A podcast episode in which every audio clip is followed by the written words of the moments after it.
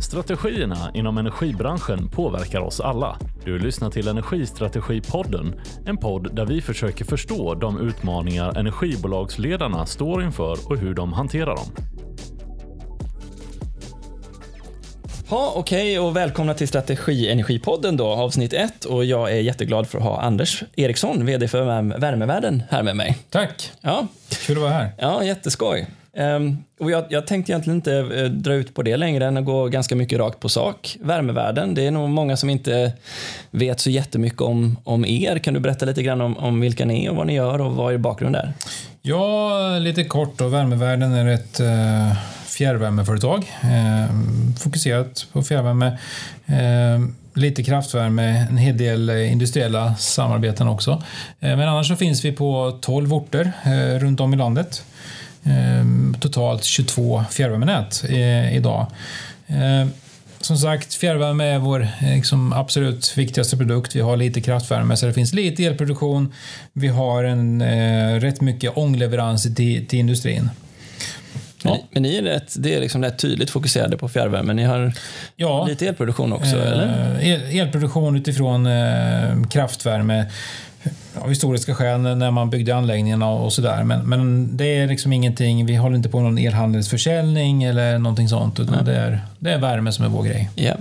Och ni är utspridda på ett ganska stort område också. Ja, de här 12 näten då, de är utspridda då i en triangel från Nynäshamn till Säffle till Hudiksvall. Så, att, så att, eh, ja, det är väl egentligen Mellansverige, men, men rätt utspridda. Men det blir en decentraliserad organisation. Ja, absolut. Eh, Vi är en organisation som har ett eh, huvudkontor i Örebro där vi har ekonomi och marknad. Eh, Men i övrigt så är det utspritt då. Både ingenjörsresurser men såklart och drift och underhåll väldigt lokalt men också gemensamma ingenjörsresurser som vi delar mellan, mellan orterna. Mm. Okej, grymt. Vi kanske kommer tillbaka till den frågan. Men eh, du då Anders, du är ju inte heller en, eh, en duvunge i branschen. Du har ju varit med ett tag nu. Ehm, Du började i kärnkraftsbranschen, visst var det så? Eller? Ännu ja, tidigare? absolut. För snart 30 år sedan så började jag jobba med kärnkraft. Eh, om man är ingenjör och eh, teknikintresserad så lockar kärnkraftsbranschen, så där hamnade jag 10 år efter skolan. Eh, men eh, sen efter det så hamnade jag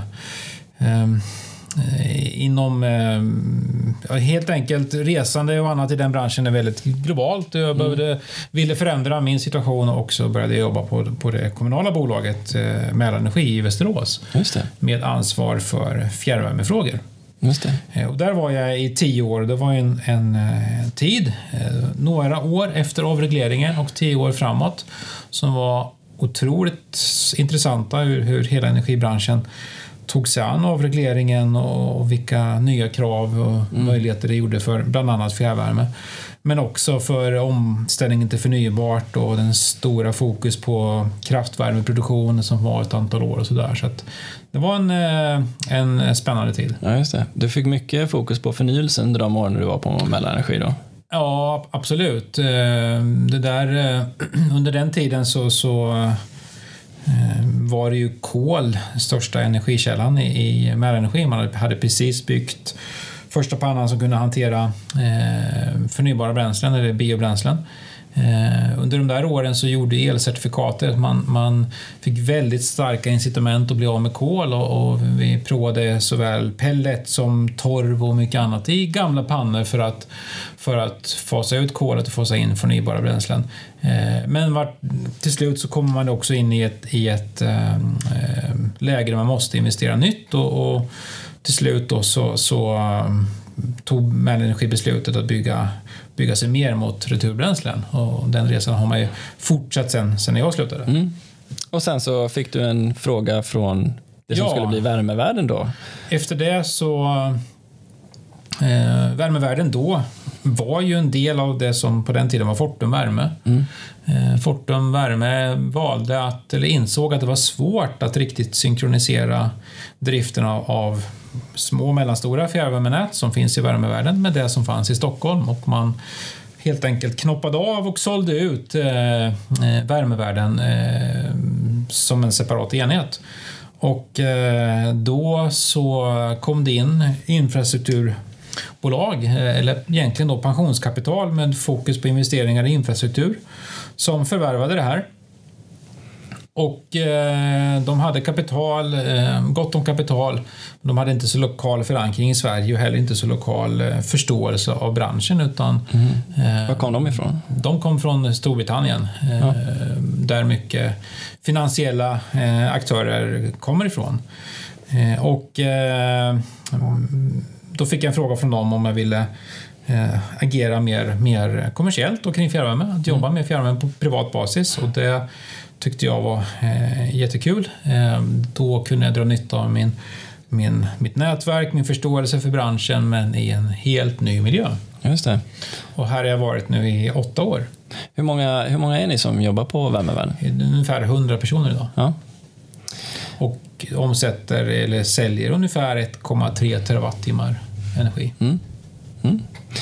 Och det är ju lite spännande att ni är ett privat bolag. De flesta är ju trots allt kommunalt eller statligt ägda. Ja. Ehm, kan, du, kan du berätta lite om vilka det är som äger er idag och hur, hur det ser ut? Jag tror att eh, eh, nej men det, de tydligaste skillnaderna eh, när man kommer in är nog att, att ägandet blir mycket tydligare vad man vill. Eh, pensionsbolag eh, har ju, är ju långsiktiga, eh, noga med sina investeringar och sina avkastningar. Eh, och, och eh, det ser, alla som följer finansmarknaden på något sätt vet ju att inom finansvärlden så är det här med hållbarhet eh, en väldigt viktig fråga. Ja, just det, för det kan man ju annars vara om man är vara lagd åt det hållet, att man kan tro att det privata kapitalet bara vill ha pengar. Ja, och jag tror att man det är lätt att dra det privata kapitalet över en kam. Det finns säkert många olika typer av aktörer, men just pensionsbolag eh, av naturliga skäl så är de väldigt långsiktiga och eh, jag tror att det är det som är den, som den största skillnaden då mellan ett kommunalt ägande som jag sett förut och det här ett eh, mer finansiellt ägande av pensionsbolag. Det är just långsiktigheten. Mm. Långsiktighet Eh, där man faktiskt vet vad man vill med verksamheten och vad man behöver avkasta. I det kommunala så finns det en långsiktig annan typ. Eh, det är att man vet att man ska äga det. Mm. Men vad man vill med det är, mycket otydligare och det, kommuner, kommunala ägare eh, han har ju flera roller. De är ägare av energibolaget, de är oftast största kund till energibolaget samtidigt som kundernas eller bolagets övriga kunder också är väljare. Eh, och den här mixen av olika roller eh, kopplat till liksom, eh, val med mandatperiod och annat gör att, att det är svårt att ha en tydlig långsiktig hantering av sitt ägande. Så att, nej, jag mm. tycker att den största skillnaden är, är att vad ägarna vill och vilken långsiktighet man har i det det, det är en stor skillnad. Ja. För de som inte är så insatta i det här med finansbranschen och hur de olika kapitalen är uppsatta.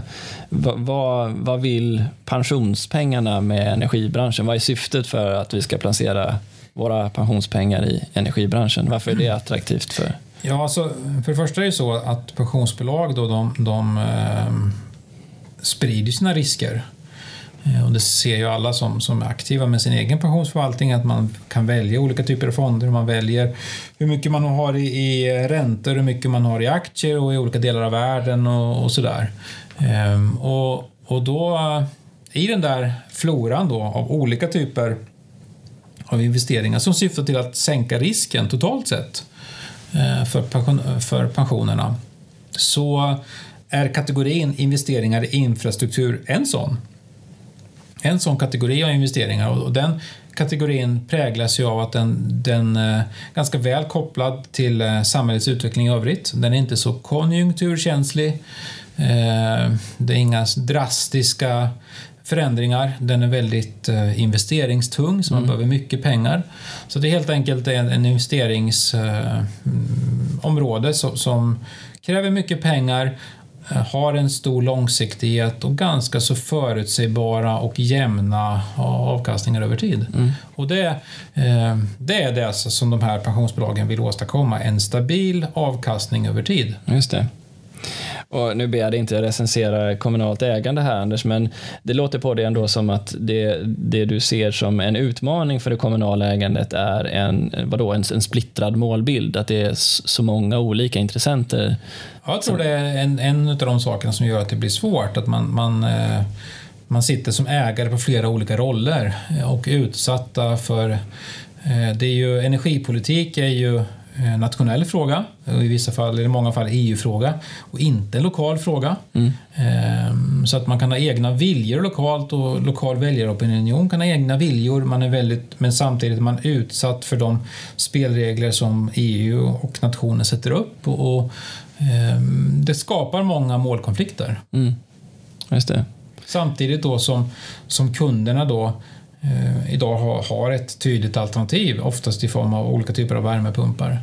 Så att eh, verksamheten är konkurrensutsatt eh, medan då eh, ägarna har en splittrad liksom, målbild av vilka typer av beslut de, de kan ta och hur de, hur de kan agera, till exempel kring prissättning mot kunderna och, och sådana saker. Och det skapar målkonflikter och det, det tror jag är en del av det som gör att det blir ett otydligt ägare ibland. Just det. Men en av de sakerna som, som ju också gör att ni skiljer lite grann från andra energibolag, det är att ni växer. Eh, jag vet att ni har eh, bland annat slagit ihop, eh, slagit ihop er med Leksand Rättvik nyligen. Ja. Visst är det så? Ja, absolut. Vi, eftersom då pensionsbolag vill hitta bra avkastningar så, ja. så vill de att vi fortsätter investera i sån här typ av verksamhet. Vi Eh, I många fall så äger vi verksamheten själva, ibland så äger vi den tillsammans med kommunerna. Eh, vi kan ju se idag att det är många kommuner som dels har eh, tuff ekonomi i kommunerna, det är väl allmänt känt, men också en tuff ekonomi i energibolagen. Mm. Och när de är tillräckligt små, så, små energibolag så är det svårt att upprätthålla kompetens för det som, det som krävs. Och på den, den Eh, den typen av kommuner pratar vi med och, och eh, senast då så Leksand Rättvik har eh, sålt majoriteten i sin verksamhet till oss. Så de finns kvar som delägare, de kommer få del av framtida utdelningar och en tydlig lokal förankring. Men, men vi kan tillföra kompetens, eh, ett starkare kundarbete, starkare mm, arbete kring bränslefrågor och, och så. Nu när du har eh, varit igenom en hel sån här process från ax till limpa och till äventyrs det skulle sitta en, en kommunal representant där ute och lyssna på det här. Vad, vad, vad, skulle du säga utifrån din erfarenhet är det viktigaste att ta med sig i en process vid en eventuell försäljning? Vad är det som krävs för att en sån ska bli bra? Jag tror att eh, det krävs att, att eh, den kommunala eller den, den lokala diskussionen är väldigt transparent. Att man förstår, eh, att man har en bild om varför man säljer bolaget.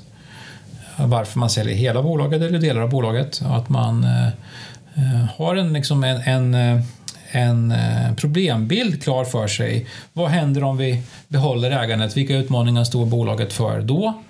Eh, och eh, vad händer om vi säljer bolaget och vilka utmaningar kommer då kommunen ställas för när man inte längre har ett ägande?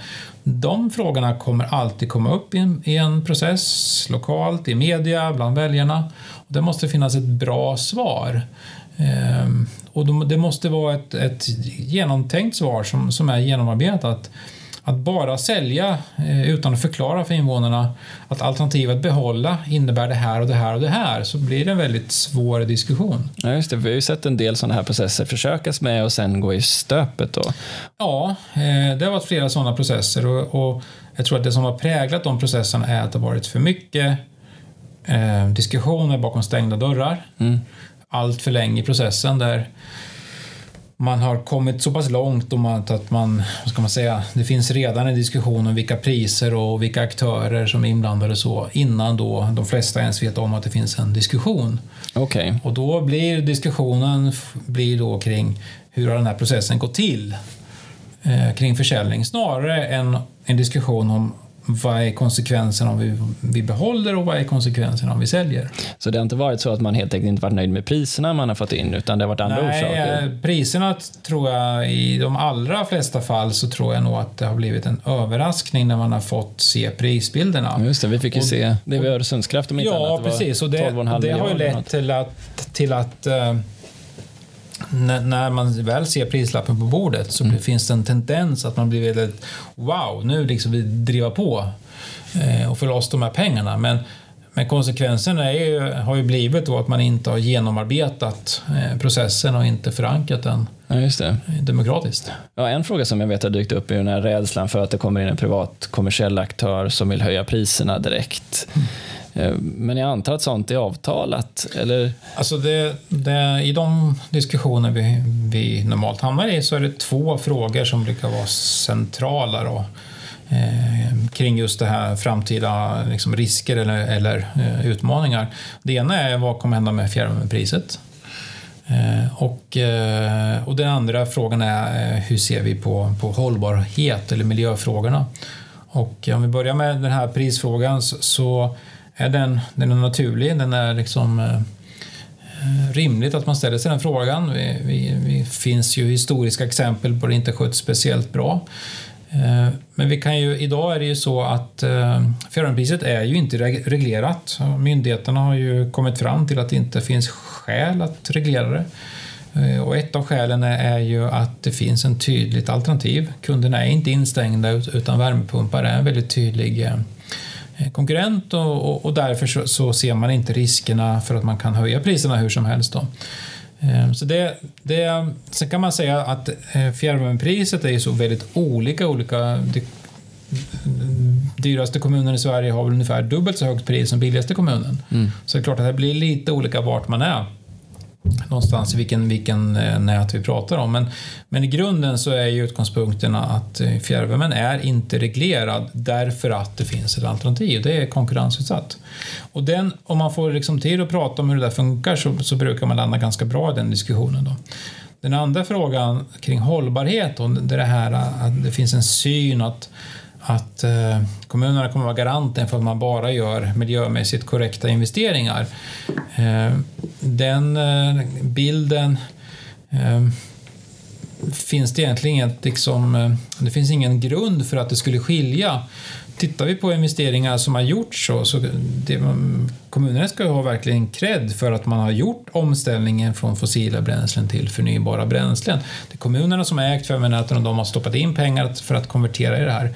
Men tittar vi på den, de, de eh, privata ägandet som finns så har det inte varit någon annan typ av investeringar där för att eh, stödsystem och, och ekonomin helt enkelt gör att förnybara investeringar är det enda som är rimligt ekonomiskt.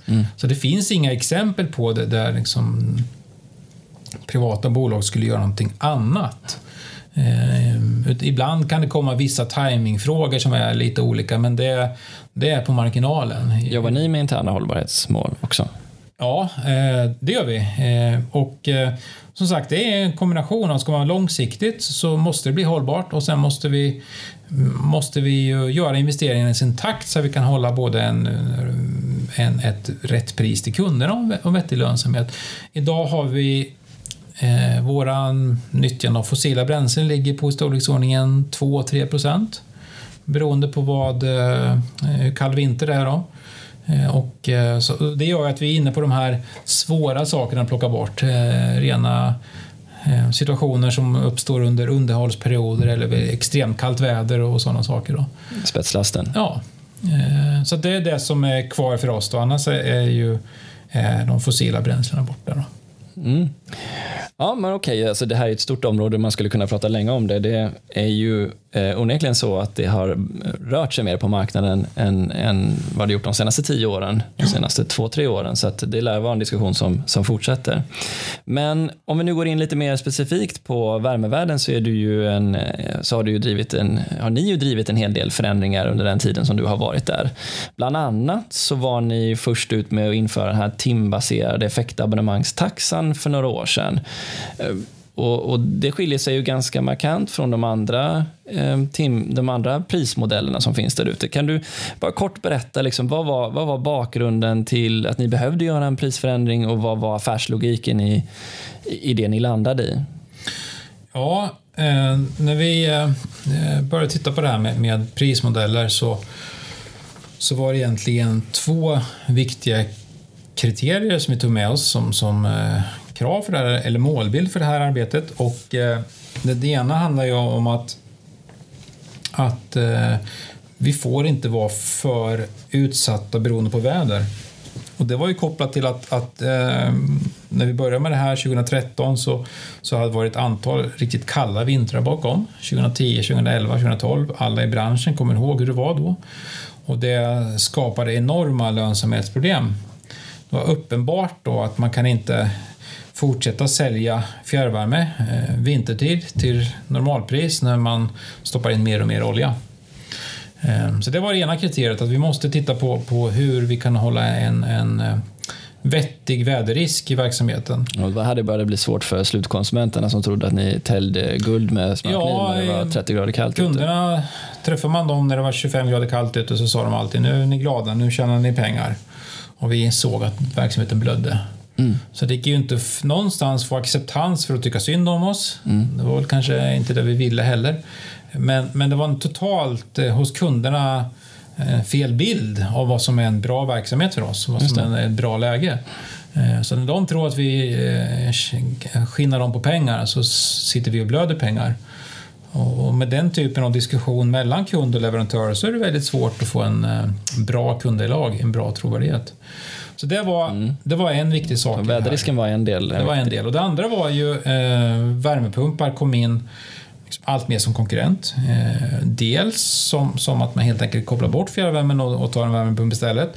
Men också då att man börjar använda värmepumpar som, som baslast och, och producera sin egen värme till en, till en viss del och köpa resten från fjärrvärme. Då. Eh, och ibland rent som, som en, eh, bara en värmepumpsinstallation.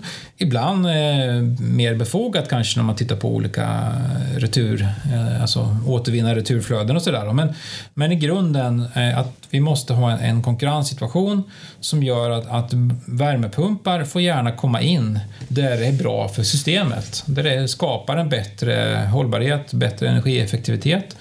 Men den ska inte komma in i ett system eh, när konsekvensen blir att kunden tjänar på det och vi förlorar på det och det går åt mer energi totalt. Visst, att ni får vara kvar på, som en spetslast. Vi är kvar som en spetsleverantör eh, samtidigt då som elförbrukningen ökar i, i, i samhället. Och, och, så det, två, det var de två kriterierna. Eh, rätt prissättning för att hantera väderrisken och rätt prissättning för att hantera konkurrenskraften med, med värmepumparna. Och så skulle ni samtidigt göra det här förståeligt då på något sätt till kunden? För kunderna. Ja, eh, ja det var ju liksom såklart då en del i införandestrategin sen handlar ju om att, att eh, kommunikativt eh, jobba hårt med det här då. Det. Och då var det ju att få förståelse för det här med, med att kallt väder, det är ju inte, ja det är dyrt för kunderna men det är också dyrt för oss och det är också dyrt för miljön. Mm. Eh, för att man eh, det blir lätt att man, man behöver använda framförallt då fossila bränslen.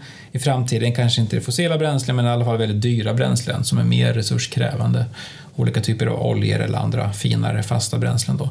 Så att, att, att komma igång med diskussionen med, med kunderna och förklara det att vi vill inte heller att det ska vara kallt väder. Vi vill inte heller att det ska gå åt mycket energi bara för att det är kallt. För det är inte bra för någon. Det är inte bra för kunden, det är inte bra för oss, det är inte bra för miljön. Nej. Det var en, liksom en viktig sak vi, vi insåg att det här måste vi också hantera. Det måste nästan ha eldats på av det att, eh, att eh, kostnaderna för basproduktionen också blev billigare och att ni såg att kostnaderna för spetsproduktionen bara blev dyrare och dyrare, eller? ja, det? Nej, det är liksom, har ju varit en långsiktig trend då att, att eh, backar man tillbaka till innan biobränslen började komma in på stor, stor eh, volym i fjärrvärmebranschen så var ju det mesta byggt på olja eller kol. Eh, och, och, då hade man en ganska så jämn kostnadsprofil över året. Mm. Eh, från sommar till vintertid så var det hyfsat stabila produktionskostnader. Eh, Och, eh, och då fanns det ju skäl för att ha en sån här, de flesta fjärrvärmetaxi i Sverige byggde på att det fanns någon fördelning mellan fast och rörligt som gjorde att man fick, eh, man fick eh, betalt för sina fasta anläggningskostnader på något sätt och sen så fick man ett, ett rörligt pris för sina produktionskostnader. Och det där skapade en balans för, för kommunen mm. som kunde hantera sina investeringskostnader och minska sina väderrisker i verksamheten Ehm, och, och liksom det fungerade. Det gav ett rätt incitament för kunden att, att uh, spara energi för att man betalade det faktiskt energin kostade. Mm. Men vad, vad, landade allt det här i nu då? Ja, allt det här landade i att vi insåg att liksom, ju mer tiden har gått så stoppar vi in billigare och billigare bränslen på, för basenergi och dyrare och dyrare bränslen för, för spetsenergi så att spreaden åker iväg här och, och att vi kan ha Många fjärrvärmeföretag har ju negativa produktionskostnader på sommaren och jättehöga på vintern. Mm. Eh, minus 100 kronor på sommaren och plus 1000 kronor på vintern. Mm. Det är så stor skillnad? Ja, så stor skillnad och då kan man inte ha ett, ett, eh, ett kundpris som är 500 kronor i snitt. Mm. För det blir helt fel incitament och var det vi insåg att med ett kundpris då som är någon slags snitt av det här så är priset så högt på sommaren så att det är lönsamt för kunden att köra värmepumpar. Det. Och det är, är, så lågt på vintern så att om de har sin värmepump så köper de sen spets från oss för det är nästan gratis. Och det där så kan det inte det är det som vi måste komma åt. Vi måste få kunderna då att förstå att spetsenergi är väldigt dyrt. Eh, det är också väldigt miljöpåverkande.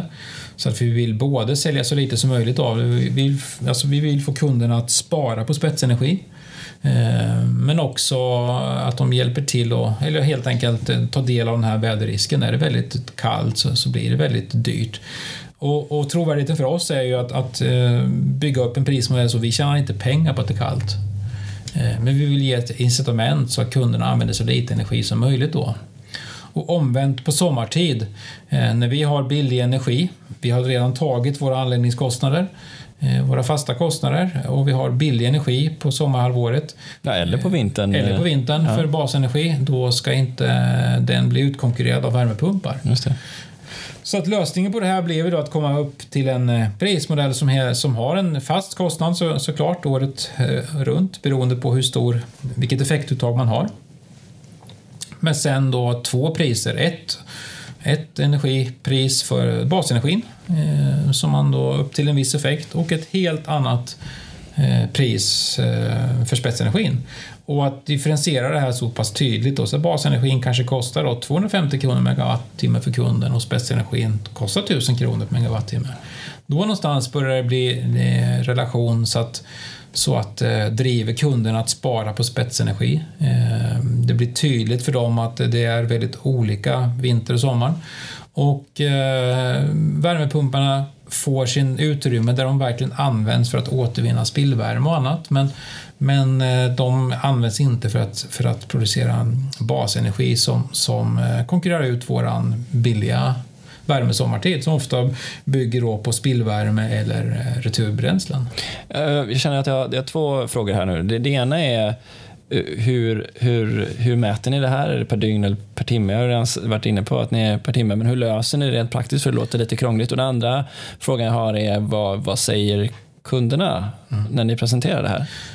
Eh, när vi jobbade med det här så insåg vi att eh, det går inte att... Ska man mäta det här och verkligen få drivkrafter så handlar det ju om att få kunderna att ändra beteende kring det här med när man startar sin ventilation och hur man prioriterar varmvatten och annat. Och det, det gav ju då eh, resultatet att man måste mäta det på timme prissätta det på timme om det ska vara meningsfullt. Och det ställer ju rätt stora utmaningar på mätvärden, mätvärdeshantering, fakturering och annat. Så att, För ni vill ner på beteendet? Ni vill se om porten är öppen klockan sju på morgonen? Ja, vi vill att man eh, drar igång ventilation i offentliga lokaler på söndag kväll snarare än måndag morgon och att man tappvarmvatten prioriterar i, i flerfamiljshus och den typen av beteende mm. eh, och tekniska inställningar för att faktiskt få ner spetseffekterna. Och eh, det kräver en, en timvärdeshantering av det här och det gjorde att vi fick bygga om. Allt ifrån mätare till insamling till fakturering till hemsidan där vi då liksom presenterar det här för kunderna. Så det, det ledde ju Slutsatsen av det här affärsprojektet kring eh, prismodeller ledde ju till en total ombyggnad av, av eh, mätning och fakturering. Ehm, eh, och det, det blev väldigt bra. Ehm, resultatet av, av det projektet blev ju att eh, våran arbetsbelastning för mätning och fakturering totalt sett sjönk. Ja, hur kommer det sig? Eh, När man jobbar med månadsvärden och det fanns problem med månadsvärden så fanns det en tendens att man Liksom, eh, det var inte så många värden ändå, så att det var rätt mycket manuell hantering i insamling och, och, och mätning och validering och fakturering. När man bytte till eh, timvärden så ökar ju mätdata 700 gånger ungefär. Och då var det helt uteslutet att göra någonting manuellt utan det blev ett stort fokus på att få allting automatiserat. Höja kvaliteten på mätvärdena, ha teknisk eh, automatisk validering och sådana saker. Så totalt sett så, så, så blev det, har vi idag mycket mindre jobb med mätning och fakturering än vad vi hade innan. Alltså lösningens komplex- komplexitet forcerade nästan fram ett krav på automation då? Ja, Ja. Precis. Så det är ju självklart att, att ett eh, månadssystem borde vara enklare och är ju enklare om man lägger fokus på det. Men, men det här gör att man tvingas lägga fokus på det och det drev fram en, en effektivisering. Vad har ni fått för reaktioner från kunderna? Då? Vad lyfter de fram? Har det varit svårt att, att ha en, en dialog med dem kring... Nej, det har det Bytet. inte. Utan jag tror att eh, eftersom det här eh, Eftersom prismodellen byggdes upp på det sättet utifrån eh, vad, är, vad är bra för, för kunden, för miljön och för oss så kunde vi skapa liksom en, en bättre förståelse för det, varför gör vi det här. Eh, det är inte för att tjäna mer pengar på vintertid utan det är för att sänka våra kostnader totalt sett och på det sättet kunna sänka eh, kostnader också för kunderna. Ja, framförallt nyfiken blir jag ju på de här representanterna från de stora fastighetsbolagen som är verksamma i flera. Har ni fått någon sån liksom, referens från andra, från stora fastighetsbolag? Och, och vad säger de som har flera prismodeller? Ja, det, det, det har vi. Eh, det är inte så många stora fastighetsbolag, eh, kanske som verkar på våra orter, men, men de här HSB och den, Riksbyggen, den typen av organisationer som, som hjälper sina föreningar överallt, de, de eh, stöter vi på som aktör och, och de är ju väldigt nöjda. De, de, ins, de har ju själva uttryckt att de inser att den här pri- prismodellen hjälper, hjälper dem att sänka kostnaderna utan stora investeringar. Eh, för Förstår de den då? Ja, absolut. För det handlar inte om tilläggsisolering exempelvis, utan det handlar om det här som, som vi sa, då, att plocka bort vissa spetseffekter. Det ger väldigt stor ekonomisk vinning. Så att det, de eh, har använt det här för att hjälpa sina kunder att sänka kostnaderna. Mm. Och en annan fråga som ju ofta brukar dyka- upp när man pratar om prismodeller är den här rättvisefrågan. Hur Har ni mött den någonting? Vad är, vad är en rättvis effekt att abonnera på? Egentligen inte. Jag tror att den här rättvisefrågan, den, den är ett branschskapat problem. Eh, att vi tror att det måste vara, som ingenjörer ska vi räkna fram vad som är rättvist och så har vi uppfattningen att kunderna ska tycka likadant som vi. Så är det ju inte alls. Det är, liksom, det är ju inte Ehm, så... Det, så det, om, vi tar, om vi tar några andra branscher, till exempel då, telekom och mobiltelefoni, så har jag aldrig hört argumentet att olika prismodeller gör det olika rättvist för olika kunder. Liksom det, det är ju inte så diskussionen bland kunderna förs, utan kunderna utgår ifrån sin situation och vad de tycker är, är liksom ett rimligt pris. Eller en, och det handlar ju mer om hur vi kommunicerar med kunderna kostnaden snarare så kunderna ser på varandra. Så att jag tror att det där med rättvisefrågan, den är ett branschskapad illusion att vi kan skapa någonting som alla kunder tycker är rättvist. Generellt sett så tycker de kunderna som, eh, de som har en jämn förbrukning över året, de vill ha en hög fast kostnad och låg rörlig kostnad. Det tycker de är rättvist. Och de kunderna som har väldigt spetsig förbrukning, de tycker att eh, energin borde kosta lika mycket oavsett om det är sommartid eller vintertid. Och vem ska ifrågasätta deras syn på vad som är rättvist? Hur, ehm, hur har det blivit ett sånt här varmår nu då? Har, ni kunnat, eller, har, det, har det gett, ni har ju haft det här i ganska många år, har det gett den här effekten i att den har tagit bort väderrisken för er generellt och, och kanske ännu mer intressant, vad händer för er ett sånt här varmår? Ser ni att den klarar av att fånga upp Ja, delar av... Alltså av det, det är ju, prismodellen har ju, har ju den skyddar ju väldigt väl mot, mot eh, kallt väder, att vi får betalt för när vi får stoppa in extra dyra bränslen. Okej. Eh, när det är väldigt varmt väder så, så har vi en ganska hög fast andel som skyddar oss till del, men, men det är ju också så att om vi inte säljer, om inte kunderna behöver energi så är det svårt att tjäna pengar på den energin. Så, Ja, så, så är det ju och, och då tittar man på, på att vi eh, driver ju lönsamhetsutvecklingen eller effektiviseringen i bolaget ganska så, så hårt. Och då, ju, ju högre lönsamhet vi har, ju mer väderrisk får vi. Så att, eh, det här tar ju inte bort all väderrisk och det är ju inte heller syftet. Det är ju att ta bort all väderrisk utan vi vill minska påverkan mm. utav det. Och det, den har det definitivt nått. Okay. Eh, det har det gjort. Eh, helt klart. Men eh, för jag vet att det är många energibolag runt om i Sverige nu som har ju mm, av, av förklarliga skäl haft det tungt i början av året med tanke på hur extremt varmt det har varit. Om man sträcker ut handen till er och vill höra mer, är det, kan man kontakta er då och ja, absolut. höra hur ni har gjort? Det, det får man gärna göra och jag är gärna intresserad hur, hur andra bolag ser på det. Det här med just att man, att man effekten sätts utifrån hur, hur varmt eller kallt det har varit och vilka diskussioner man har med kunderna kring det och vilka lönsamhetsproblem det skapar. I vår modell så väljer kunderna i vilken effekt de vill ha. Och det har ju skapat en, det var nog kanske lite oväntad effekt av den här prismodellen men men eftersom vi överlåter till kunden att välja vilken effekt man vill ha så har det skapat en diskussion, en dialog kring effekten. Mm. Där de, där de är liksom till slut är överens med oss om vad som är rätt effekt. Mm. Och, och de som driver effektivisering hårt, de väljer en annan effekt. Mm. Eh, och de som eh, av kanske verksamhetsskäl och kan acceptera lite eh, mindre uppvärmning när det är riktigt kallt ute. De väljer ytterligare en tredje effekt då. Det. Och det, den dialogen eh, är väldigt viktig för att skapa förståelse för det här med kostnaderna. Det, det hjälper kunderna att se att de har ett val. Eh, och det tror jag är någonting som jag vill lyfta fram, att det har hjälpt oss att skapa trovärdighet. Eh, hur, hur lång tid tar det för en kunds effektiviseringar att slå igenom i, prismodell, i den här prismodellen? För det skiljer sig också mellan olika prismodeller. Ja, precis. Nej, men det är ju, du, du, eh, som det är idag så, så får man välja eh, om effekt en gång per år. Okay. Så om jag gör någonting på hösten och det kommer en justering på våren så är det från det så att säga? Ja, det, är ju, eh, idag så har vi årsskiftet, vi kommer ändra så att det är löpande 12 månadersperiod. Så att om du, om du har bestämt, gjort ett investeringsbeslut nu som ska vara ombyggt i februari så kan du ändra din effekt ja, från februari. Så framåt i tiden också om ja. du vet vilken investering. Ja. Ja. Så det finns ingen liksom, löptid för det att slå igenom utan det är från den dagen du bestämmer att det ska slå igenom så, så slår det igenom. Hur hanterar ni de kunderna som ändå väljer att sätta in en alternativ uppvärmningsform och vill använda er på spetsen? Hur gör ni med dem? ja, det, ändå... det, ju, det, finns ju liksom eh, många olika varianter. En kund som som inte är ansluten och bara vill ansluta oss för spets, det, det, det, lämnar vi inte offert för det går inte att få en vettig eh, kalkyl på en sån när man eh, ska, så det, det, det händer ju ganska sällan också. En kund som har fjärrvärme och vill, vill eh, sätta in en värmepump av kanske de har något returflöde de vill använda eller vill, vill bygga om ventilationen i huset och få frånluftsvärme och sånt då får de göra det. Eh, för det är liksom en, en bra åtgärd, eh, energiändamål. Och då kommer de kunna sänka sin effekt och förändra sitt abonnemang. En kund som sätter in en bergvärmepump som ska ta merparten av lasten och, och sen bara behålla oss på spetsen kommer inte få en, en rimlig kostnad. Nej.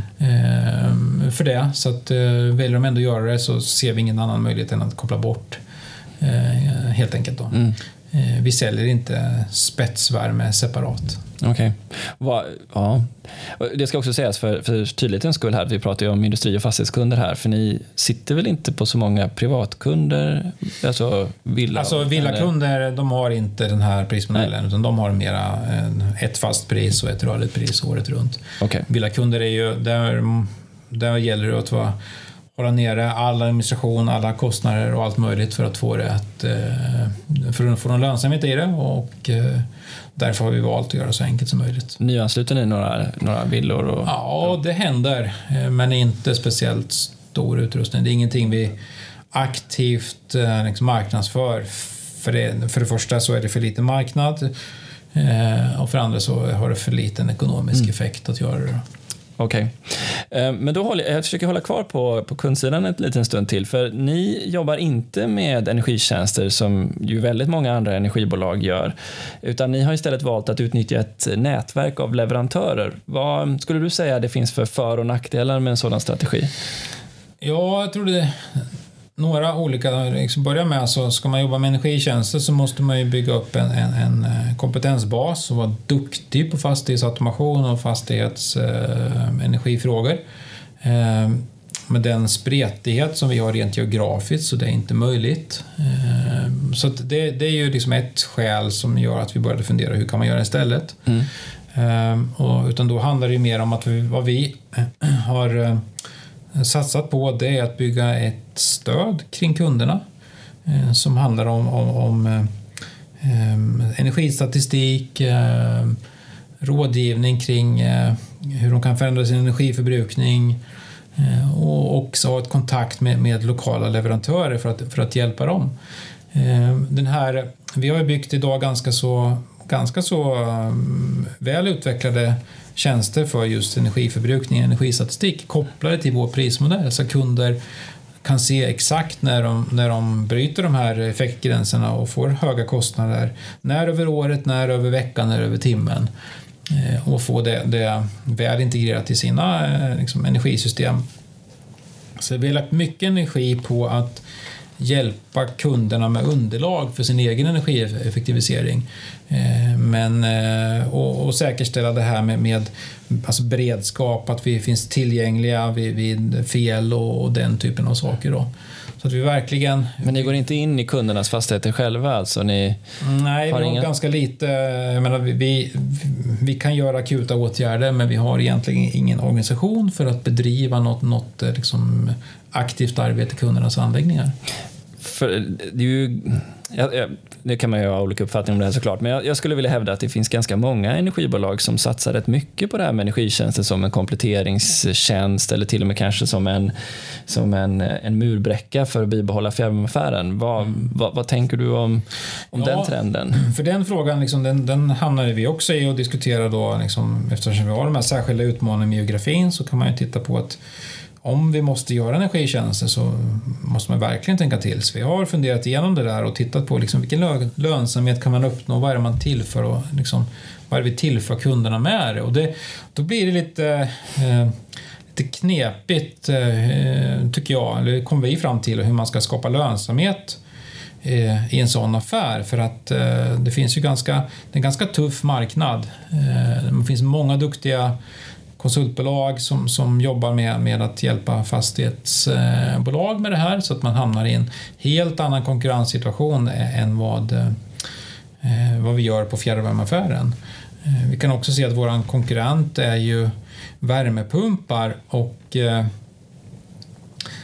att skilja ut sig mot en värmepumpsleverantör kommer vi fram till. Det handlar ju kanske mer om att visa på att på att vi finns här 24-7, vi har ett beredskapsnummer, vi finns här från den dag att vi levererar eller byggde anslutning tills huset rivs. Mm. Och det är någonting helt annat än vad en värmepumpsleverantör någonsin kan, kan eh, presentera och leverera.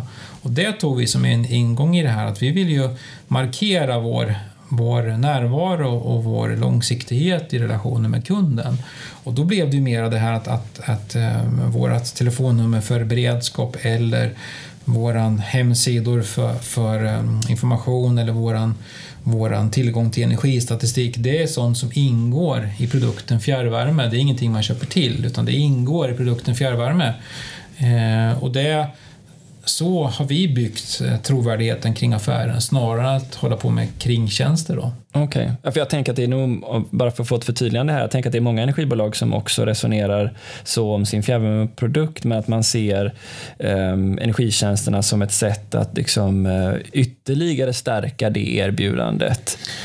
Men, ja. men, här tog ni en annan affärsmässig approach till det. Ja. Eh, För ni släpper den affären så att säga till era leverantörer att genomföra? Ja, eh, det gör vi. Och eh, det är ju, man kan säga, argument man ibland hör är att man, man vill hjälpa kunderna att göra göra rätt saker. Just det här hur man energieffektiviserar genom att ta bort toppar och annat. Och att man vill, man vill hjälpa, eller se till helt enkelt att energieffektiviseringarna blir så som man som energibolag själv vill.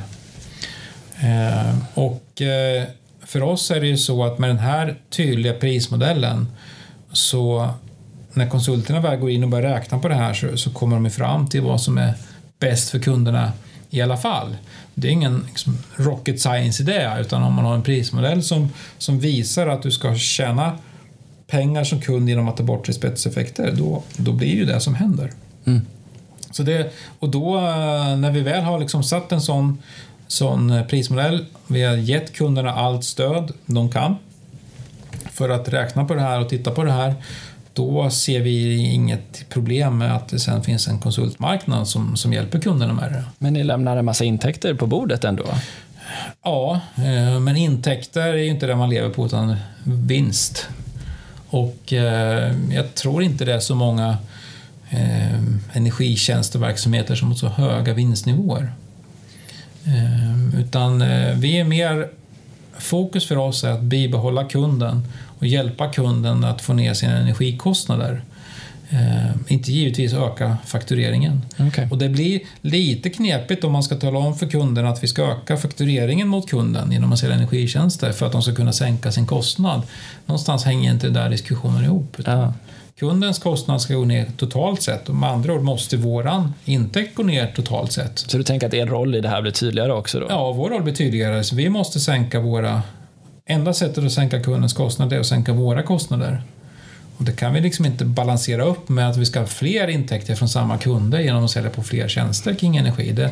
Gäller det också solceller och alla sådana kringprodukter som finns inom energitjänster idag?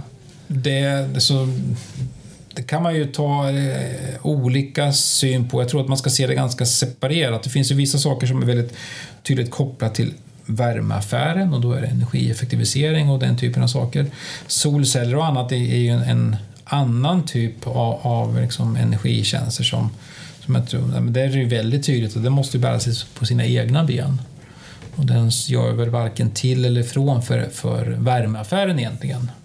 Eh, så det, det, nej, det ser jag som en ganska så annorlunda fråga. Okej. Okay. Ja. Spännande. Men då tänker jag att vi eh, eh, går in lite mer på den in, det interna arbetet, för där har ni ju också gjort en hel del förändringar vad jag vet. Ehm, och ni har haft, rätta mig om jag har fel nu, men ni har haft i princip sex övergripande mål för styrning för verksamheten sen du började på Värmevärlden. Ja. Ehm, och, det är ju, då måste du ha hittat något som har fungerat väldigt stabilt över tid ehm, och är lite spännande. För jag vet att det är många energibolag där ute som, som tittar på hur man följer upp och mäter en sån här verksamhet på bästa sätt. Kan du snabbt dra oss igenom liksom vad förutsättningarna är för att få bra styrning eh, i en sån här verksamhet? Hur ser det ut? Ja, jag tror att eh, när vi startar det här arbetet så, så, så liksom handlar det om, om att identifiera då vad, är, vad är de viktigaste frågorna över lång tid som vi ska jobba med. Eh, alla i den här branschen vet ju att snabba förändringar är inte så där enkla. På kort sikt kan man inte göra så mycket. Å andra sidan på lång sikt kan man göra mer än man tror. Det handlar om att komma rätt i investeringar och, och rätt i, i beteenden och processfrågor och leverantörssamarbeten och, allt sånt där. Så äh, egentligen kan man säga att det, det, vi gjorde var ju att skapa en, en, en bra förståelse av hur affären ser ut. Ett, äh, värdekedjan ifrån äh, skogen eller, eller avfallsbolaget och genom bolaget. Eh, produktion, eh, distribution, kundarbete och så vidare. Och, och, sen så när man har den där värdekedjan helt klar för sig, ända från råvaran ända till, till pengarna tillbaka från kunden. Så titta på vart, vart byggs kostnaderna upp någonstans? Vart mm. uppstår kostnaderna i den här verksamheten? Eh, och att ha en förståelse för det och, och, då kan man sen se vart är de stora kostnadsposterna eh, och eh, vad är det vi ska mäta för att över tid fokusera på rätt saker som har störst effekt. Ja. Den diskussionen hade vi. Den magiska knuten det och, och knyta ja, upp det. Precis. Vad är de, liksom, eh, över tid det som skapar kostnader eh, och som man måste liksom, jobba med på lång sikt för att få ner? Det, det var liksom, grunden i, i det här arbetet. Jag trodde kanske inte då att de här mätetölen skulle bli så hållbara så att vi idag efter åtta år har samma mätetal. Mm. Eh, och det, det är ju... Ja, det, det nog tror jag blev mer hållbart än vad jag trodde. Å andra sidan då har flera av de mätetalen ändrat sig mer än vad jag någonsin kunde tro. På vad sätt då? Ja, att de har verkligen utvecklats genom att vi över lång, lång tid har hållit fast i vissa fokusområden. Just det. Ehm, så, så, och det talar väl för det som jag sa från början att, att eh, man kan inte åstadkomma så mycket på kort tid. Men över lång tid kan man åstadkomma mer än vad man tror. Mm. Ehm, och, och, det är väl det som, som eh, har varit... Eh, ja, men där landar vi. Vi landar i sex stycken mätetal som, som eh, skapade en förståelse av verksamheten. De har vi sedan byggt in via, i bonussystemen för alla medarbetare och i vår rapportering på vårt intranät och i vår rapportering till styrelsen och sådär för att skapa verkligen fokuset är de här sakerna som är viktigt i verksamheten. Upplever du att ni lyckats hålla koll på kostnadsutvecklingen generellt? Om man nu räknar bort från bränslesidan, för den är ju lite speciell, men om man tänker till skötsel och hantering av anläggningarna? Ja, det tycker jag. Eh, för de här mätetalen sen, de blir ju de blir en guideline vart man ska liksom leta efter kostnader. Så får man ju bryta ner dem både verksamhetsmässigt till allt mer fin, eh, fin detaljerat och anläggningsmässigt då beroende på vilken anläggning det är. Så att de här mätetalen sen, de bryts ju ner både på ort och på typ av kostnader. Liksom, och, och där nere då kan det börja ändras över tid vad det är man fokuserar på. Då. Ja, just det, såklart. Längre ner i organisationen. Så, så blir det ju så, men de, alla de mätetalen har alltid en tydlig koppling till de här övergripande mätetalen. När man eh, eh, har haft eh, samma mätetal över tid så har man också möjlighet att skapa trender eh, som också, och visa på, på vilken effekt det har så man kan få en, en eh, trovärdighet att det leder någonstans internt och också att medarbetarna ser att det man gör har effekt. Okej, okay, och hur skulle du säga, har du lyckats skapa förståelse för dem i, i verksamheten? Är de, är de hur jobbar ni med visualisering av dem? Hur, Ja, alltså jag, jag får de spridda? tror att det finns en, en förståelse av eh, mätetalen. De, eh, alla mätetal berör ju inte alla lika mycket utan det är lite olika olika delar av verksamheten vad man tittar på. Men, men jag tror att, att de viktigaste mätetalen för varje individ, det vet de flesta om idag vilka det är, för de har inte ändrats över tid. Eh, utan de vet vad som är viktigt att hålla koll på och det gör ju att det hjälper dem i deras dagliga arbete med, med prioriteringar, att de vet liksom ska prioritera det här före det här. Eh, så finns det i ryggmärgen idag, vad är, vad är de viktigaste frågorna för värmevärden? Och det skapar ett, eh, liksom den, om man ändrar mätetalen, även om du ändrar dem vartannat år, så tror jag inte man kommer så långt i förståelse och att det påverkar dagligt beteende, utan det, det är en lång process att få alla att förstå det som är viktigt i verksamheten. Då, vad som är de viktigaste frågorna. Och det, det ju, har ju mycket att göra med att eh, ekonomin i en energiverksamhet är väldigt komplex, svårgenomtränglig, det finns mycket, hur mycket siffror som helst. Och eh, det är inte förrän du börjar sammanställa alla de här siffrorna från eh, liksom, energidata, ekonomiska data och miljödata, det är först när du börjar sammanställa allt det där som, som du kan du kan liksom se vad som är viktigt på riktigt. Mm. Eh, och, och, det har inte, de flesta medarbetare har inte möjligheten att få den överblicken. Är det här sådana mätetal som din styrelse också får se? Och, Absolut, och de ligger med i månadsrapporten till styrelsen. Så de följer er basproduktionskostnad och ja. hur den utvecklas över ja. tid? Ja, mm. eh, både på kort och lång sikt då, så, så följs den. Så den är med kopplad till årliga budgetar och årliga, årliga bonusmål och, och även långa trender. Okej. Okay. Ja, men om man går tillbaka då till eh, några av de viktigaste anläggningsstrategiska frågorna som ni jobbat med så har automatisering legat i, i hjärtat där. Bland annat ni har satsat mycket på att automatisera era anläggningar. Eh, Hudik är ett sådant exempel. Kan du berätta lite grann om vad ni har gjort där och vad strategin har varit? Ja, så i Hudiksvall, då, så, så är, som är en, en, eh, en, eh, från början torrbränslepanna byggd på 80-talet som senare konverterat till till biobränslen ehm, eh, som eh, ganska så stor panna, eh, kraftvärme, eh, en turbin på den. Och det har gjort att den har ju varit eh, bemannad dygnet runt i, i alla år, eh, skiftgående personal. Eh, lite, den har varit så pass stor så att den inte gått att köra riktigt på sommartid. Så på sommartid har man kunnat stoppa pannan och därmed bryta skiften och ha lite liksom, annan bemanning sommartid. Men annars var det en väldigt bemanningstung eh, verksamhet på, på det sättet. Då. Och det är ganska länge sedan nu då, så, som eh, vi satte upp mål att ska vi ska vi driva ner kostnaden i Hudiksvall så måste vi komma åt också bemanningssituationen. Man kan säga att vi börjar med att titta på att, att byta då, liksom till allt eh, sämre typer av biobränslen. Eh, fuktigare och fuktigare typer av ja, det är det första man tänker biobränslen. Då kommer man en viss bit och sen liksom fortsätter den där resan. Återigen uthållighet i fokusområdena. Men till slut så kommer man till det här, liksom, hur tittar vi på, på, på eh, bemanningssituationen? Och en så stor kraftvärmepanna då har ju rätt mycket begränsningar. Du måste ha folk på plats helt enkelt eh, för att övervaka larm och annat. Då. Hur stor är den? 50 megawatt eh, termisk effekt på pannan. Så det där handlar ju om att, att och den är dessutom då ganska gammal då, så automationsgraden var ju inte tillräckligt för att kunna, kunna lämna den oövervakad. Utan vi la ett långt program med, med, som handlar om, om investeringar i automationsutveckling Eh, Eh, höja automationsgraden, eh, också rätt mycket då samarbete med inspektionsföretagen, eh, vad som krävs för att kunna göra den obemannad. Eh, hur, hur, ser det ut med, med då reservsystem för nödkylning och, och sådana saker och, och, vilka larm du måste ha på distans för att kalla in eh, beredskap och, och, och sådana saker. Så det där jobbet pågick under flera års tid. Tills vi då kom i ett läge då att, nej men som myndigheten att nu om ni då under sommaråret sätter en, en liksom teknisk gräns vilken effekt ni kan köra i pannan så kan ni köra den på dagtid istället då.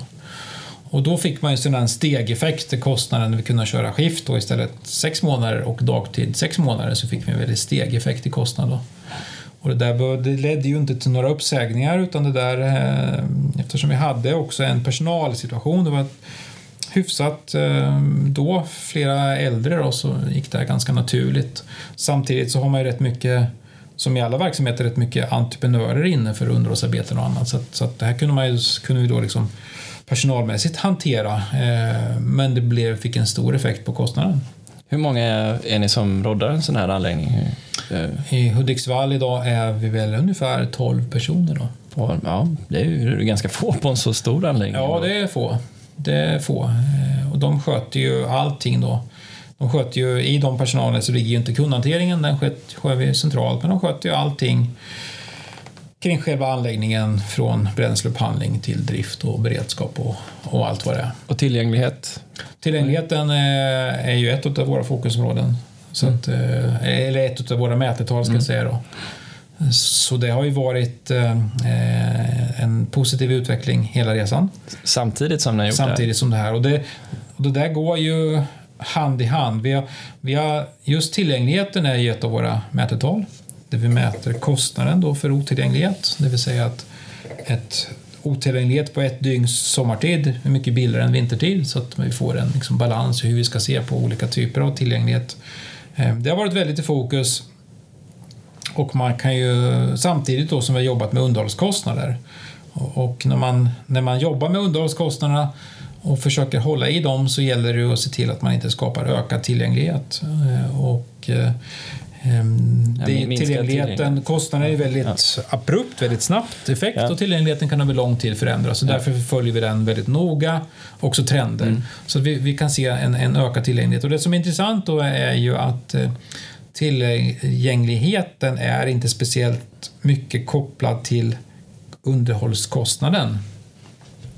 Utan vi kan ju se att en, en, en eh, underhållskostnaden drivs av dålig tillgänglighet och inte tvärtom. Ah. Ehm, och det, kan man ju, det är ju ett tecken på, kan man, kanske man kan säga, då, att det är för lite planerat underhåll.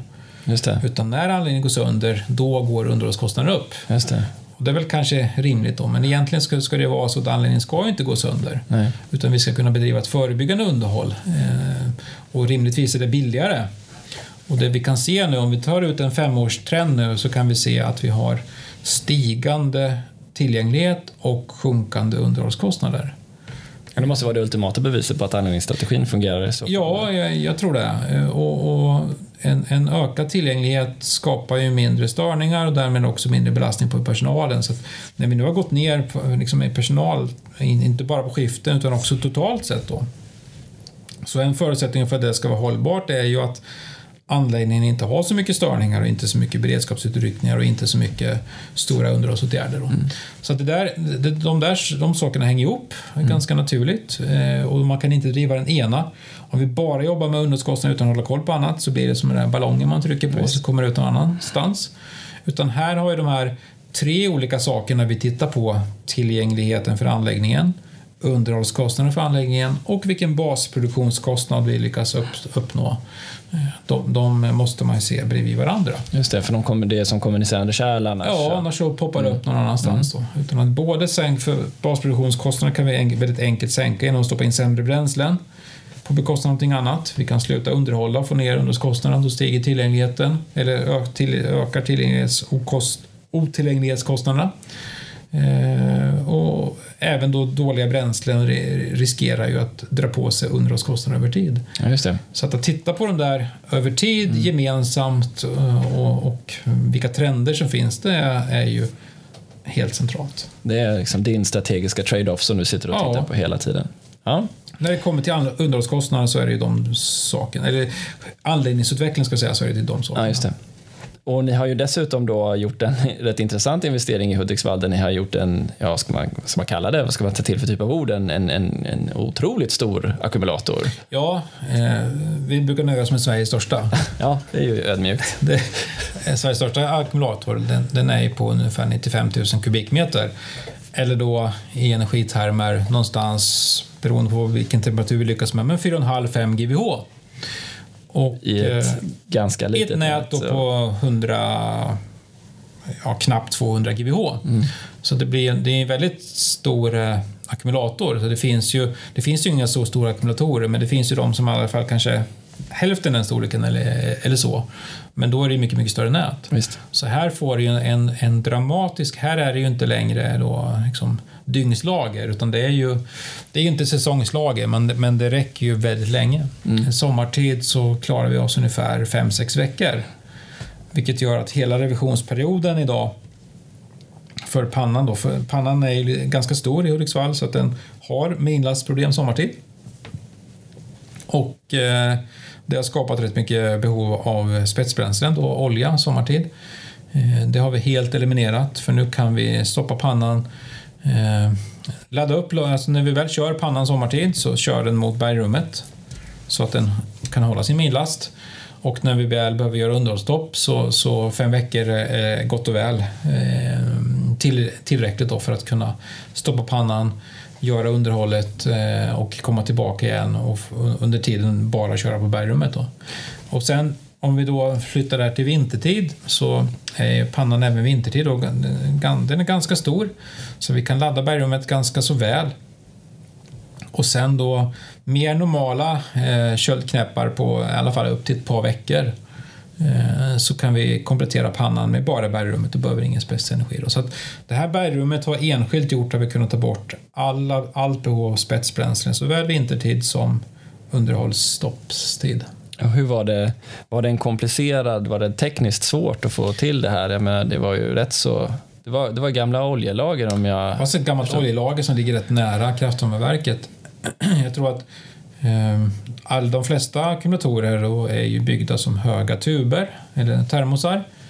Eh, och då bygger man det här på skiktning utav värme, varmt upp och kallt nere, rätt så konventionellt. Eh, bergrummet ser ut som en liggande termos och då skulle skiktning bli ju eh, inte lika självklart att det kommer fungera.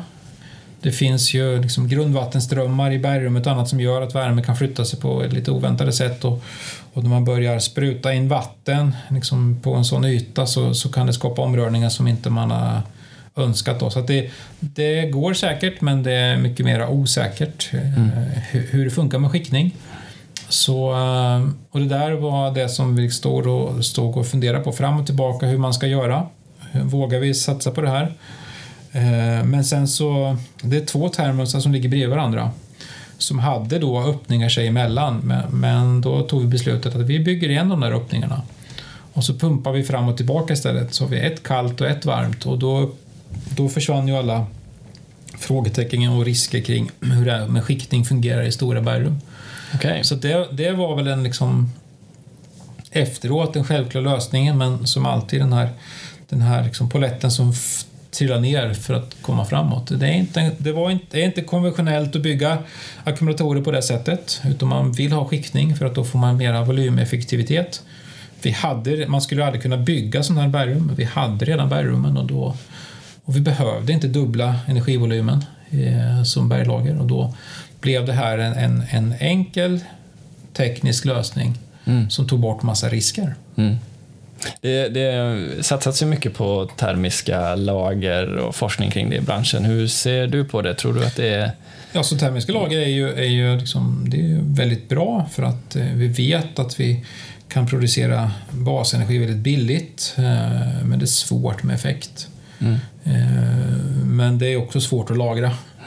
Eh, och tittar man på de här lagren som, som man tittar på idag, man bygger gigantiska cisterner och annat, fortfarande är det ganska små lager. Som de, du kan klara de här morgontimmarna men, men det har ju ingenting att göra med vilken liksom, spetseffekt du behöver egentligen då, i nätet. Så, så, så det, och det, det, någon riktigt bra teknik för att lagra storskaligt värme det, det finns ju inte idag.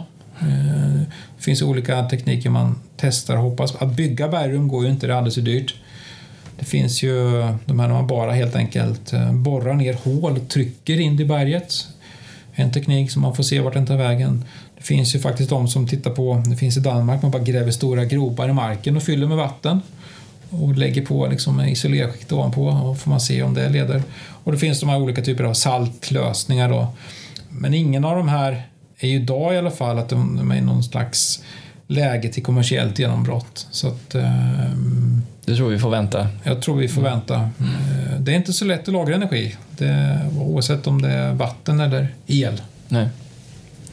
Ja, okej. Okay. Ehm, men ni har gjort en, en, en, eh, en transformation mot mer avfall, stämmer väl? Ja. Ni har tagit in mer avfall i mixen.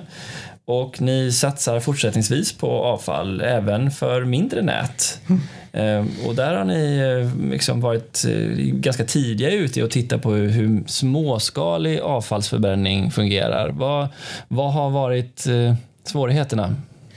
Ja, alltså tittar vi på Svensk Fjärrvärme som har fått in väldigt mycket avfall i bränslemixen det har framförallt drivits av att alla stora nät med stora investeringar har, byggt avfallspannor.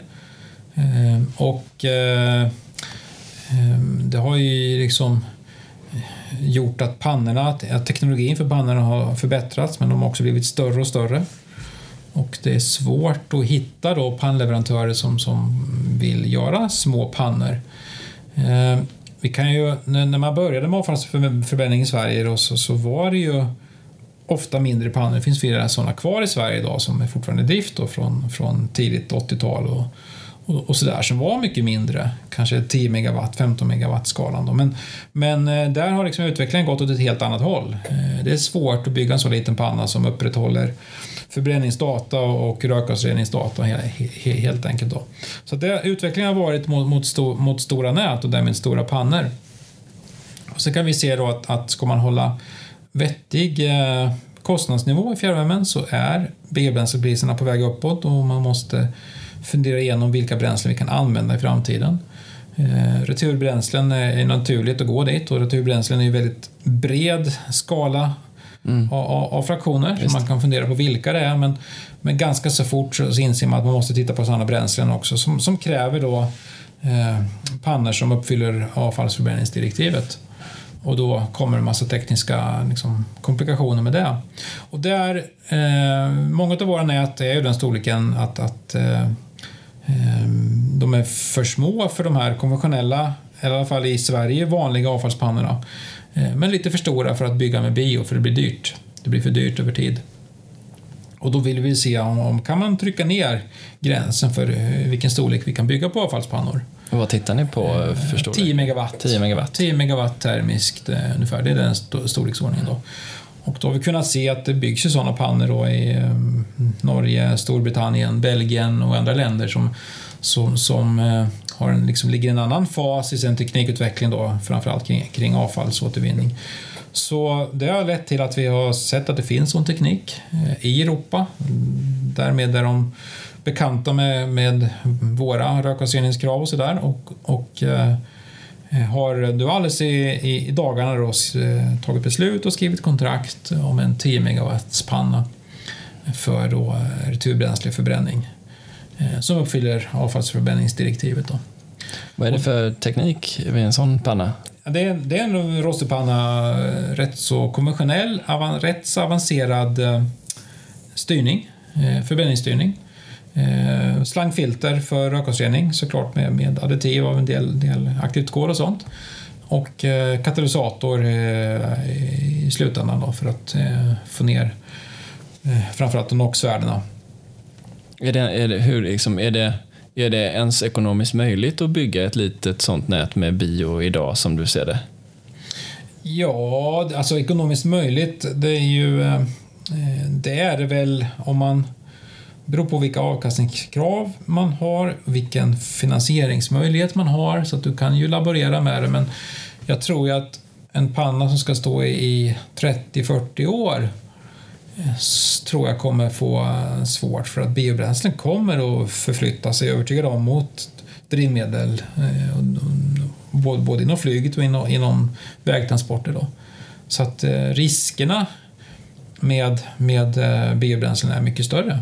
Så att idag, med dagens priser kan man säkert göra det, men, men om man blickar framåt så, så är nog vi rätt övertygade om att, att eh, även om det är en dyrare panna så kommer driftskostnaden över tiden eh, överstiga. Så det, det, är bättre att ta investeringskostnaden i, i en panna som klarar en bred bränslemix än att eh, det är rätt svårt att bygga om en biobränslepanna hela vägen till till, till att ta tuffare turbränslen. Då. Just det. Så att, eh, flexibilitet är Flexibilitet och, mm. och, så att om det går idag, det kan man liksom fundera på, men vilket som vi tror är mest rätt på lång sikt, då, då är det att bygga en panna med så bred bränslemix som möjligt. Mm. Jag vet att du har haft en, eh, en spaning som handlat om att energipriset går mot noll. Vad, vad handlar den om och vad, vad bygger den på? Den handlar ju egentligen om att, att eh, det finns ju Alltså både, det är lite intressant, på, både på elsidan så inser alla idag att ja, men det finns gott om nollprisenergi. Eh, driftskostnaden på ett vindkraftverk är ganska lågt, driftskostnaden på, på en solcell är extremt lågt. Eh, och man kan få ut väldigt mycket billig energi. Eh, solvärmepaneler är också då väldigt, väldigt låga driftskostnader på.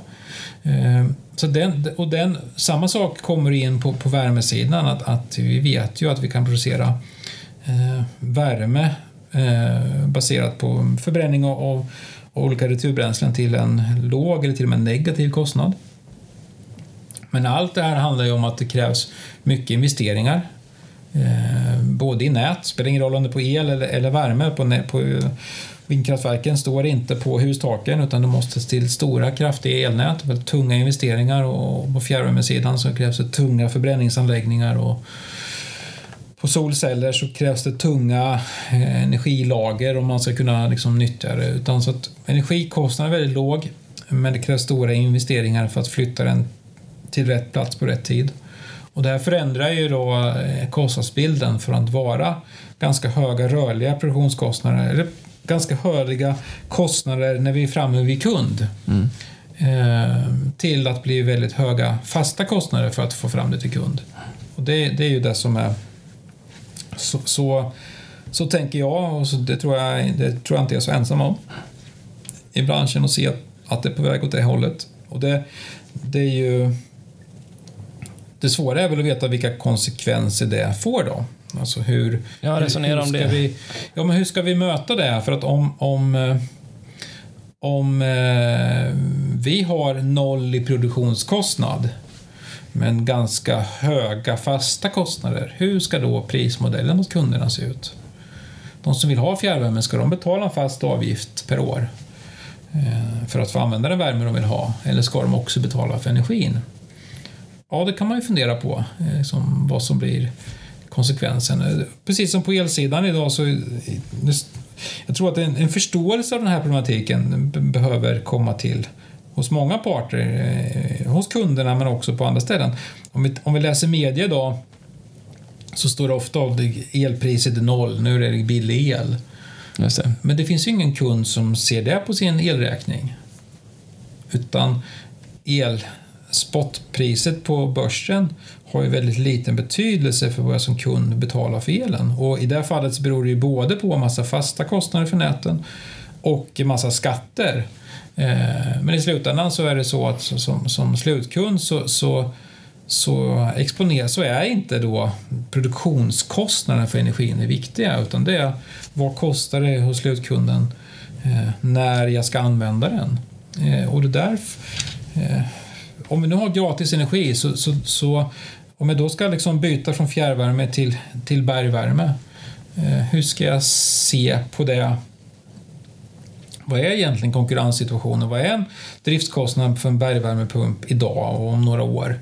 Eh, man får ju inte tro att, att, att elkostnaden är noll på börsen innebär att bergvärmepumpen är gratis i drift. Utan det är ju tvärtom. Ska det bli el i, noll i produktionskostnad på el så måste man bygga ut nät och göra en massa saker så att man får ökade fasta kostnader för elkunden.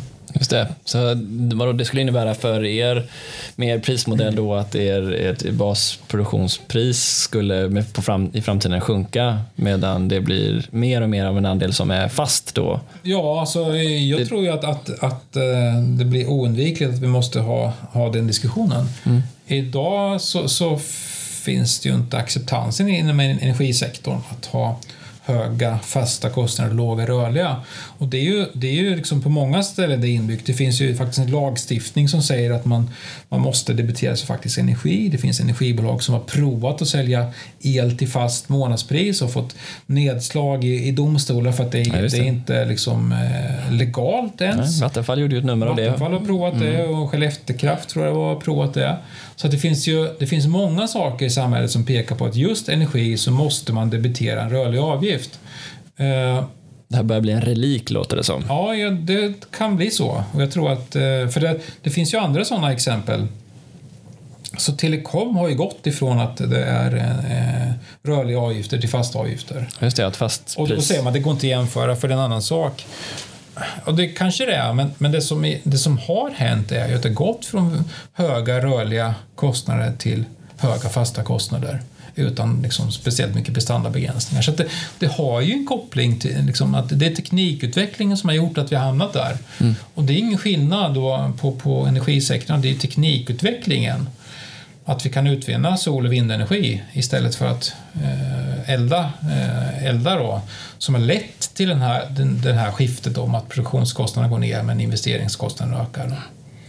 Så att eh, jag tror att det där det finns en plats i alla fall för fjärrvärmen i framtida energisystemet. Ja, absolut. För att, för att eh, grunden för fjärrvärmen är ju att, att vi tar tillvara sånt som annars går till spillo. Och det handlar både om spillvärme från alla möjliga processer och om det som inte går att, det material som inte går att återvinna.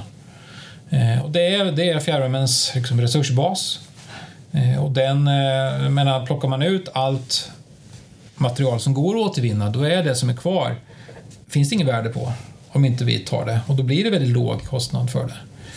Och, och spillvärme, oavsett om det kommer från liksom, stora tunga processer som, som stål och pappersproduktion eller, eller om det kommer från mera moderna processer som kanske kyldiskar eller datahallar så är det ändå spillvärme som inte har så mycket annan användning. Mm. Eh, och det är, de, det är det som är fjärrvärmens resursbas, tror jag, långsiktigt.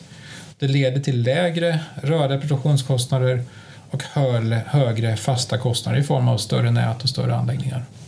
Så en, en eh, framtid där fjärrvärme har, och andra eh, energislag har en, en viktig roll att fylla och att investeringarna måste kunna tas betalt men där jag som kund, som fastighet eller privat eh, har en större andel som är fast ungefär som mobilabonnemanget. Då. Ja, och jag tror att just näten eh, det är så uppenbart att man ska liksom, måste ha elnät på värme och skicka varmt vatten. Då, men just att, att förstå nätens roll i det här, att nätens roll är ju att flytta det i, över tid och över distans. Eh, och det finns ibland en, liksom, tror jag, missuppfattning eller en, en bild av att ja, snart kan vi isolera oss och köra små öar överallt. Precis, ja, Solceller på taket och driva ja, huset med. Och batterier i källaren. Och batterier i källaren. Men, men det är ju inte, batteritekniken är ju på långa vägar där. Mm. Utan det är långt bort innan man tittar, om man tittar i en storstadsmiljö vad som krävs för yta för sin energiproduktion kontra vilken yta som finns tillgänglig då för att man ska kunna koppla bort alla näten. Så näten kommer vara väldigt viktiga, eh, både på elsidan och, och, och på värmesidan. Ja, det låter ju positivt och det får eh, avsluta. Tack så hemskt mycket för att du tog dig tid att vara med här. Ehm, vi som sagt, vi återkommer eh, veckovis framöver. Ehm, det här var alltså Anders Eriksson för Värmevärlden. Återigen, tack så mycket Anders för din tid. Tack så mycket. Har du vidare frågor eller funderingar? Hör av dig till oss på info.sigholm.se. Och är du intresserad av extra material eller visualiseringar från intervjun så hittar du dem på sigholm.se academy.